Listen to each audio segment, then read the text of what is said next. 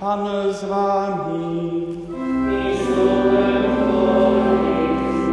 Słowa Ewangelii według świętego Mateusza.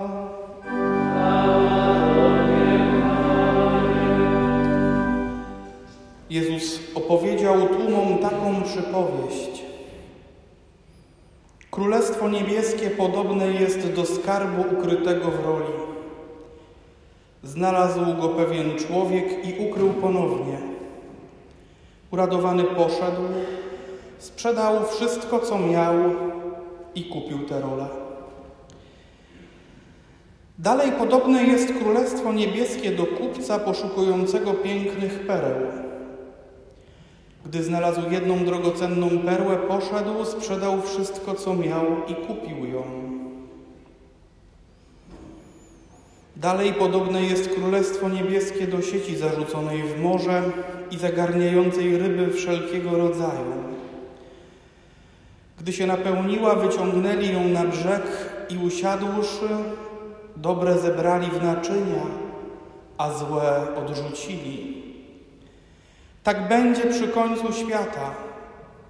Wyjdą aniołowie, wyłączą złych spośród sprawiedliwych i wrzucą w piec rozpalony. Tam będzie płacz i zgrzytanie zębów. Zrozumieliście to wszystko? Odpowiedzieli mu: Tak jest. A on rzekł do nich: Dlatego każdy uczony w piśmie, który stał się uczniem Królestwa Niebieskiego, podobny jest do ojca rodziny, który ze swego skarbca wydobywa rzeczy nowe i stare. Oto słowo Pańskie.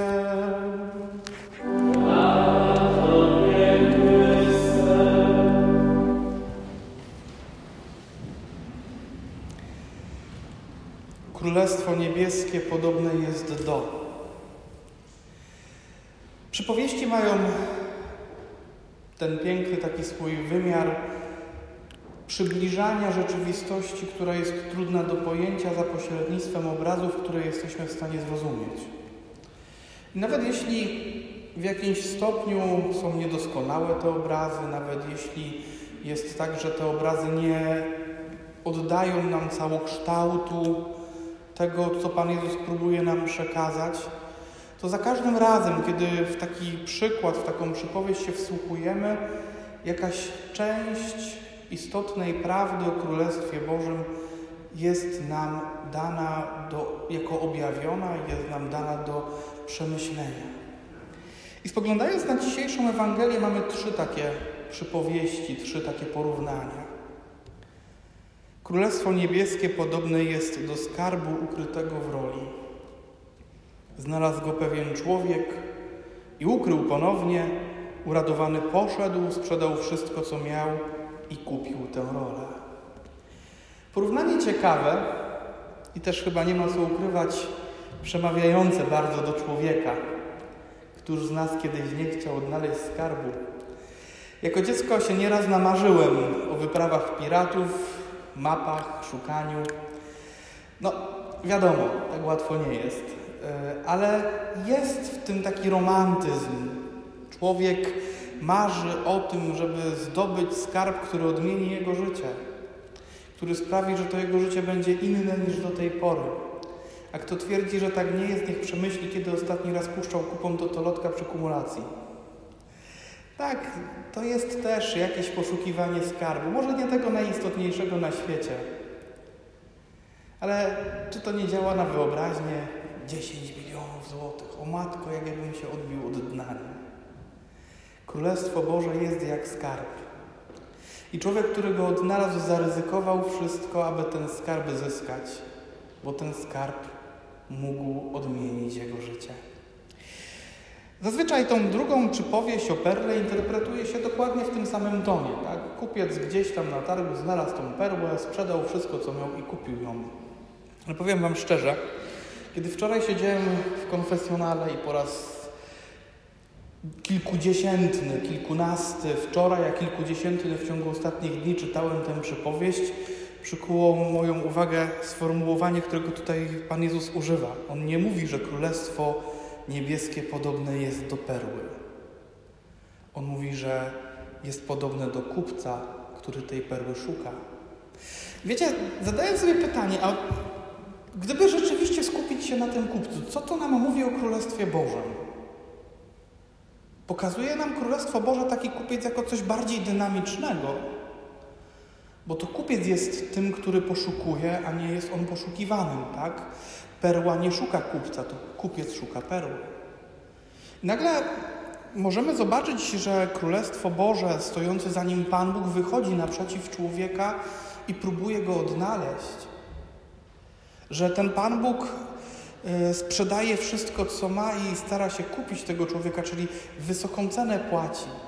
Czy tak się stało? No spójrzcie na krzyż. Oto cena, za którą Bóg wykupuje człowieka. To też nam pokazuje jakąś ciekawą prawdę o Królestwie Bożym. E, owszem, Pan Bóg szuka, ale zwróćcie, drogocenna perła.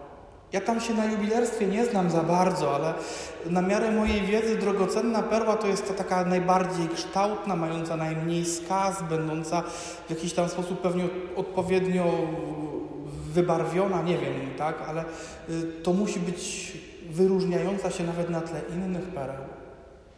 Ta naj, najcenniejsza, najbardziej drogocenna, czy ona będzie się wyróżniać wielkością, czy przejrzystością, czy połyskiem, ona musi być wyjątkowa. Bo ten kupiec, który ją odnajduje, sprzedaje wszystko, co ma, płaci wysoką cenę dla niej jednej.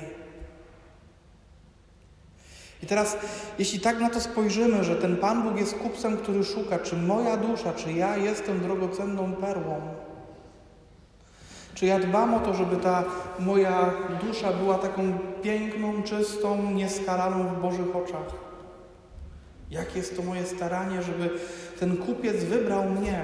I wiecie, kiedy patrzy się na to nie w kontekście tej wcześniejszej, szukanego skarbu, ale w tej późniejszej przypowieści o sieci, no to jest w tym coś istotnego, bo kiedy słyszę, że Królestwo Niebieskie podobne jest do sieci, która zarzucona w morza zagarnia ryby, a potem rybacy siedzą i przebierają te ryby jeszcze, bo jedne się nadają, drugie nie. I tutaj też dzięki jakiemuś programowi naukowemu, który ostatnio oglądałem, zrozumiałem, dlaczego ten obraz taki jest, a nie inny. Bo kiedy kuter wyciąga tą sieć przepełnioną rybami, to te na dole po prostu ulegają zmiażdżeniu pod ciężarem tych, które są na górze. I rzeczywiście tak jest, że ta sieć zagarnia wszystko jak leci. Zagarnie pływające gałęzie, butelki plastikowe, ryby zdatne do jedzenia, niezdatne do jedzenia, za stare, za młode, yy, wszystko, tak? Nie wszystko z tej sieci trafia na stoły ludzi. Część tam gdzieś ulegnie zmiażdżeniu, część się nie nadaje, trzeba to przebrać. Jest to jakiś taki obraz nie bardzo fajny, nie? bo nam się nie, nie lubimy, kiedy nam się przypomina, że Królestwo Boże ma ten wymiar pewnej elitarności. Że to nie jest tak, że wszyscy jak leci muszą do niego trafić. A ta Ewangelia mówi wyraźnie, tak będzie przy końcu świata.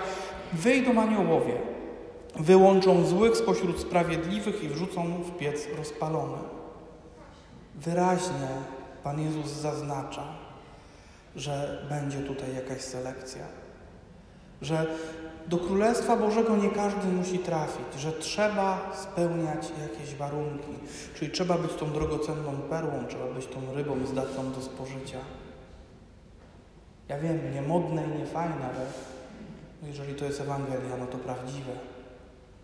I teraz zostawmy to na chwilę.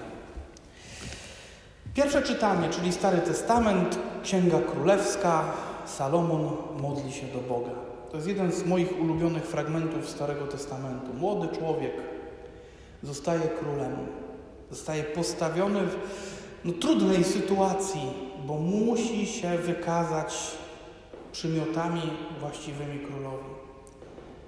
W nocy modli się do Boga.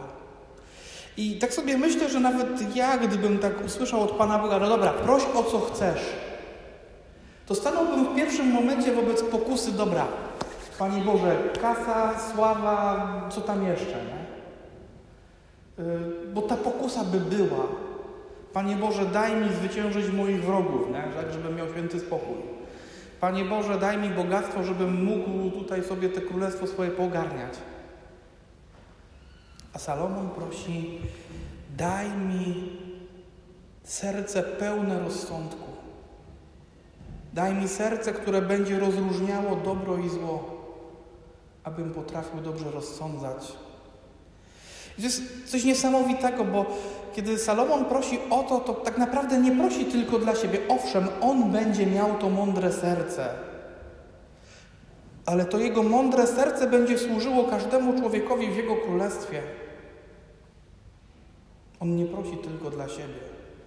I Panu Bogu tak się ta modlitwa podoba, że On powie tak, ponieważ poprosiłeś o to, nie poprosiłeś o długie życie, o bogactwa, nie poprosiłeś o zgubę nieprzyjaciół, prosiłeś o umiejętność rozstrzygania spraw sądowych, więc spełniam to i to wszystko inne też. Nie? Mądrze poprosiłeś. I dzięki tej Twojej mądrej prośbie dam Ci więcej niż prosisz.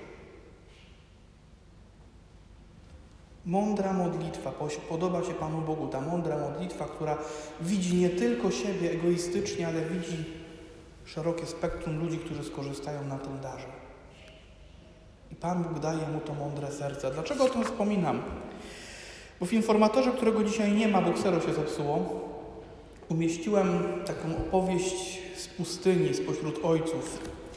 Jak to do Abba Antoniego przyszedł człowiek i mówi mu, Abba, módl się za mnie. A on mu odpowiada, ani ja się nad Tobą nie zmiłuję, ani Bóg Wszechmogący, jeśli Ty sam nie zdobędziesz się na gorliwą modlitwę.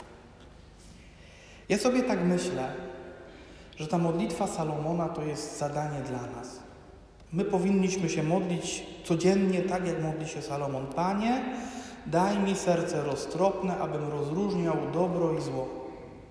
Bo popatrzcie, jeśli Królestwo Niebieskie podobne jest do skarbu, to ja muszę mieć dość mądrości i wiedzy, aby się rozpoznać na tym skarbie.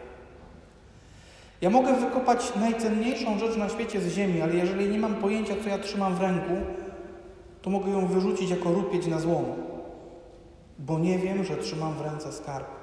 A jeśli nie mam dość pokory, by zapytać innego, to być może nikt nigdy nie wyjaśni, jak wielka jest wartość znalezionej przeze mnie sprawy. Panie, daj mi mądre serce, abym dostrzegał, jak ważnym jest dla mojego życia Twoje królestwo. Dalej. Panie, daj mi serce, które rozróżnia dobro i zło, abym poprzez wybieranie dobra stawał się pięknym w Twoich oczach, jak drogocenna perła. Panie, daj mi czynić dobro, aby gdy przyjdzie ten czas, że Twoi aniołowie przyjdą wyłączać złych spośród sprawiedliwych, bym mógł stanąć wśród tych sprawiedliwych. Daj mi, Panie, roztropne serce, bym umiał rozróżniać dobro i zło, bym umiał nie tylko rozróżniać, ale wybierać i to dobro czynić.